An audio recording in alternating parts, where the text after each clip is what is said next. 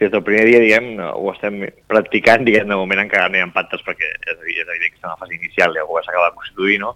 però ja hem tingut conversa amb molts grups municipals per intentar saber doncs, en quins temes els senten més còmodes diguem, i podem col·laborar de manera activa, malgrat també que ells vulguin en cada moment. No? És una mà estesa, sense condicionants i que evidentment no es pot anar modulant segons el tema i intensitat que vulguin també els municipals que hi hagin a l'oposició. La gent que no comparteix el resultat electoral de les urnes, diguem, és com dir que no ens agrada el que la gent vota, no? I evidentment doncs, això em sembla que és, és un, diguem, fem un fals favor a la democràcia, la gent ha expressat el seu pensament a les urnes, ha reconegut la gestió d'un govern i un lideratge com és l'alcaldessa Marta Ferrés, i per tant s'ha de respectar i nosaltres ho gestionarem amb màxima cura possible perquè també sigui majoria absoluta, però com dèiem, que pràctica sigui una mà estesa contínua a l'oposició. Àrees, diguem, tradicionals en un ajuntament com el nostre un ajuntament gran, però també amb una mirada posada, diguem, als problemes de, del futur segurament, no? amb una mirada posada doncs, a un tema capdalt que afecta cada dia més Sabadell, com és el tema de les plagues, no? el canvi climàtic, intentar posicionar la ciutat en un àmbit eh, supramunicipal important, amb els hubs doncs, que estem posant en marxa amb altres agents de, de l'entorn també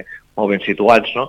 Um, un govern preparat diguem, per afrontar aquests quatre anys, però també amb la visió posada als propers vuit. No?